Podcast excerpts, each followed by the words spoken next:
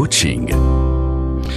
رمضان على الأبواب ويلزمنا فعلا استشاري في التغذية العلاجية وبسرعة هناك من يفرط خلال شهر رمضان ويخرج صح. مريض بشكل عكسي تماما. يخرج مريض ومرهق والمعدة تعاني والقلب يعاني والشرايين تعاني أيضا ونسبة السكر في الدم مرتفعة. يعني بالنسبة لهم دمار شهر رمضان وهو على العكس. من ذلك سعداء أن تكون معنا استشارية التغذية العلاجية دكتورة بسمة هنداوي. صباح الخير أستاذة بسمة. صباح الخير والصحة عليكم وعلى كل مستمعين فعلا صباح الخير والصحة. وحابين ننغز الشباب والشابات خلال شهر رمضان أستاذة بسمة. ما هي الهدية ممكن نقدمها لهم وانت طيبة. تفضلي. هو فعلا يمكن إحنا بنستقبل شهر رمضان السنة دي خاصة إنه هيكون مختلف عن أي عام. إن هو جاي في فصل الشتاء. نعم. وفصل الشتاء بيمتاز تلقائي إن إحنا بيكون مناعتنا فيها قليله لذلك إحنا محتاجين إن إحنا نهتم بمناعتنا أكتر خلال هذا الشهر لأنه حتى عشان نتجنب الإصابة بنزلات البرد وأمراض الجهاز التنفسي طيب. لذلك إحنا بنقدم نصيحة إن إحنا لازم نهتم بتناولنا للأطعمة الغنية بفيتامين سي ودي بعد وجبة الإفطار نعم. آه خلال فترة الإفطار ما بين الإفطار والسحور بحيث إن حتى الأطعمة اللي إحنا بنتناولها تكون غنية بنسبة كبيرة من فيتامين سي وإحنا مش محتاجين إن إحنا نتناول أكتر من بين من 70 ل 75 مللي جرام من فيتامين سي. فيتامين سي هو موجود في البرتقال الليمون التفاح الخس الفلفل الأخضر محتوى نسبة عالية من فيتامين سي الجوافة دي كلها مصادر غنية بفيتامين سي. كمان نهتم بتناولنا الأطعمة الغنية بالزنك. الأطعمة الغنية بالزنك وده إحنا بنقول إحنا محتاجين إن إحنا نتناول من 30 ل 40 مللي جرام من الأطعمة الغنية بالزنك. وزي ما إحنا عارفين نص العاطفه والاطعمه الغنية بالزنك دي موجودة في الأطعمة الحيوانية البروتينية الحيوانية. زي صفار البيض اللحم البقري الزبادي آه، الألبان. لذلك إحنا بنقول إن تهتموا بتناولكم كوب من الزبادي ده بي بي بيمد جسمكم نسبة عالية من الزنك. فالزنك بيقوي المناعة بشكل كبير. محتاجين إن إحنا كمان إحنا بنقول نهتم بتناولنا للسوائل لأن كتير من الأشخاص حتى آه، لما بيجوا بعد الفطار ينسوا إن هم يشربوا كمية كبيرة من الماء. وإحنا بنقول إن ال- ال- الأصول إنك أنت تشرب من سبعة لثمان اكواب من الماء. ومش لازم إنك أنت تشربها كأنها مية صريحة. لأ تقدر إنك أنت تتناولها عن طريق تشرب شربات تقدر إنك أنت تتناولها عن طريق آه، تناول بعض المشروبات الساخنة. آه، عصاير. و- آه، العصاير. ولكن يفضل إن هي طبعا ما تكونش مضاف ليها سكريات بحيث إن إحنا بنقول إن هي شهر رمضان كمان فرصة عظيمة لإنقاص الوزن. لأن إحنا بنقضي وقت طويل في الصيام. فالناس اللي حابة إن هي تنزل في الوزن بنقول دي فرصة آه، استغلوها. لأنك أنت ممكن تنزل في الوزن في شهر رمضان بشكل سريع جدا لو التزمت ببعض النقط. زي إن حتى لازم تهتم بعدد السعرات الحرارية المتناولة. يعني لو تناولت عدد سعرات حراريه أقل من الخارجة هتنزل في شهر رمضان. لو تناول لو اهتميت بتناول آه، كميه كافية من السوائل ده هيحمي جسمك من الجفاف ده بتقلل معاك الإحساس بالجوع تاني يوم. فده بي- هيبقى الشغل على آه، مصاصات الغدة الدرقية هيكون أكتر فده بيقلل معاك الإحساس بهرمون الجوع اللي هو الجريلين. لو اهتميت بتناولك للأطعمة الغنية بفيتامين ب 12 دي بتديك إحساس بالشبع لمدة طويلة وبتحسن معاك من عملية الحرق الدهون. فهتلاقي الجسم بيحرق كمية دهون متخزنة.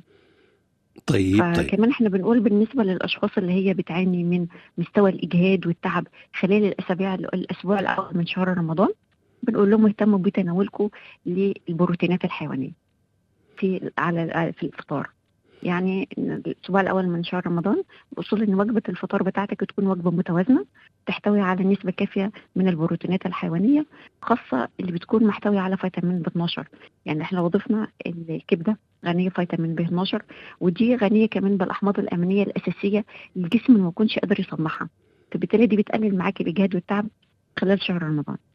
كمان تهتم بالنسبة للأشخاص اللي هم آه، بيكونوا مصابين بارتفاع ضغط الدم. أو اللي هم اللي بيكون عندهم أمراض مزمنه سواء كان مرض السكري أو مرض آه، انخفاض ضغط الدم. وبنقول لهم بالنسبة للأشخاص اللي هي بتعاني من ارتفاع ضغط الدم تهتموا بتناولكم للاطعمه الغنية بالبوتاسيوم والكالسيوم وتقللوا من تناولكم للاطعمه الغنية بالصوديوم لأن إحنا مش محتاجين إن إحنا نرفع مستوى الصوديوم عشان ما- يسببلكوش بعض المشاكل اللي بتكون آه، مترتبة على ارتفاع ضغط الدم آه، زي ال- الإصابة طبعا بقى- بالإصابة بالاغماء أو الإصابة صدمات. نعم. بالصدمة ال- صدمات القلب نعم آه طيب آه أستاذة بسمة بالنسبة للسحور يعني هناك من يتعامل مع السحور وكأنه وجبة كاملة الدسم آه ما هي النصائح التي يمكن أن تقدم في هذا الإطار؟ هي وجبة السحور إحنا بنفضل إن هي تكون متأخرة ده أول شيء. طيب. بحيث إن هي تبقى تديك احساس بالشبع لمدة أطول. ووجبة السحور إن هي ما تكونش دسمة لأن لو أخدتها دسمة بتحتوي نسبة عالية من الدهون. بالعكس ده هتسبب لك مشاكل هضمية وهتسبب لك خمول وكسل وكمان هتسبب لك ضعف في عمل هرمون الغدة الدرقيه محتاجين إن تكون وجبة السحور تحتوي على مصدر فيه البروتين. ويفضل إن هي تكون بروتين حيواني يعني زي البيض. زي الزبادي زي انك أنت تاخد كوب من الحليب. فدي مصدر بروتين حيواني فده هيديك إحساس بالشبع لمدة طويلة وفي نفس الوقت مش هيديك إحساس بالإجهاد تاني يوم. آه، تاني نقطة إن كانت تحتوي كمان على نوع من أنواع الكربوهيدرات المعقدة. والكربوهيدرات المعقدة بحيث إن هي تديك سعرات حرارية على مدار اليوم. تديك إحساس بالشبع لمدة طويلة. زي الخبز ال- الأسمر زي ال- الفول. لأنه بيحتوي على نسبة عالية من الألياف محتاجين ده ده بالنسبة لي- للسحور لأنه أحيانا المعدة لا تتحمل. يعني الإنسان بعد السحور بيمشي للنوم فالفول آه، ليس ثقيل على المعدة. ما هو الفول لو إحنا أخدناه بكميات مش يعني طيب. إحنا بنفضل الفول إن هي تاخد من ثلاث لأربع معالق من الفول. كمان إضافة معلقة من زيت الزيتون بالنسبة لنا في فتره السحور. ده بيزود معانا من امتصاص الفيتامينات الذايبة في الدهون. لأن في بعض الفيتامينات ما, بتدو... ما ب... الجسم ما بيستفدش منها غير في وسط دهني فبالنسبة لنا فيتامين ف... بالنسبة لنا آه، زيت الزيتون ده مفيد في وجبة السحور. فلو أخدنا منه معلقة إحنا كده بنضمن دخول آه، جسمنا كمية كبيرة من مضادات الأكسدة. محتاجين إن إحنا كمان وجبة السحور إن هي تحتوي على مصدر غني بالبوتاسيوم زي الموز زي التين المجفف زي الرمان فدي كلها بالعناصر الغذائية اللي محتوى نسبه عالية من البوتاسيوم ده يديك إحساس بالشبع لمدة طويلة. في نفس الوقت بتقلل من خروج كمية كبيرة من السوائل خارج الجسم. فده بتقلل معانا الإحساس بالعطش. طيب هناك من يحرص على المكيفات أهم من الأكل بالنسبة له والقهوة الشاي. تناول آه، أشياء أخرى. فهل هناك نسب محددة بالنسبة لتناول القهوة والشاي؟ هل هناك مواعيد محددة أم لا؟ هو إحنا بنقول إحنا إحنا لسه ما دخلناش في شهر رمضان. فاحنا بنقول للناس اهتموا بالنسبة للأشخاص اللي هي متعودة إن تشرب كمية كبيرة من الكافيين قللوا من تناولكم لهذه المشروبات قبل شهر رمضان حتى بأسبوع. منذ مش منذ يحصل اللحظة. سحب. آه ما- عشان ما يحصلش سحب لكمية الكافيين داخل الجسم فما تحسش بقى بال- بالعصبية والصداع المستمر خلال اللي هو الأسبوع الأول من شهر رمضان. هتشرب ال- المشروبات اللي هي بتكون غنية بالكافيين اشربها بعد وجبة الإفطار بعدها بساعة. احرص على إنك أنت ما تشربش كمية كبيرة من المشروبات اللي بتكون محتواها عالي من الكافيين في وجبة السحور.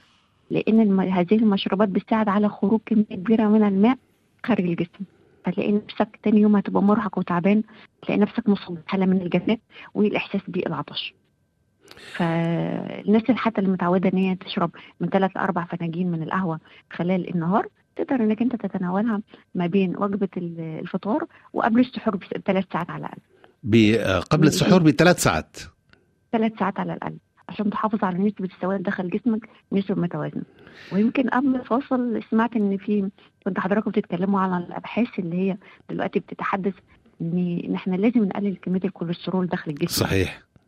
لأن دلوقتي ال- ال- العالم دلوقتي بيكون أكتر عرضة للإصابة بأمراض القلب والوفاة المفاجئه وده حقيقي فعلا إن إحنا بنقول إن إحنا لازم نهتم إن إحنا نقلل نسبة الكوليسترول اللي داخله داخلة جسمنا خلال شهر رمضان.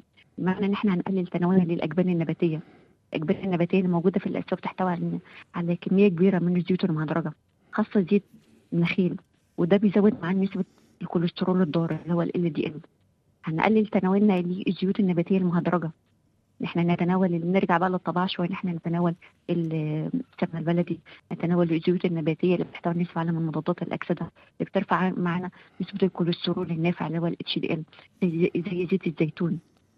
فنتناول الأطعمة الصحية. لأن إحنا لما يرتفع نسبة الكوليسترول ده بتعتبر كارثة. ارتفاع نسبة الكوليسترول فعلا بيكون الشخص يكون أكثر عرضة للإصابة بارتفاع ضغط الدم للإصابة بارتفاع بامراض القلب. نعم. حتى كمان البشرة كمان. البشرة لو انت دخلتها أطعمة صحية بتلاقي ظهر كمان على على السطح الخارجي إن في نضارة في البشرة. هتلاقي تساقط الشعر قل. محتاجين كمان إن إحنا نتناول أطعمة بتنشط معنا آه، عمل الدورة الدموية.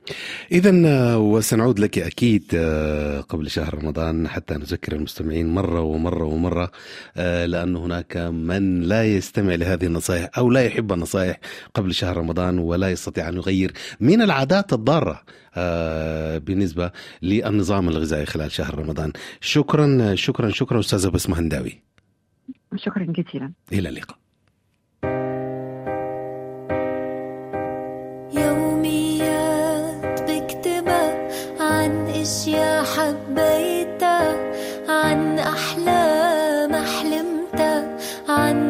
أسرار خبيتها عن أول حب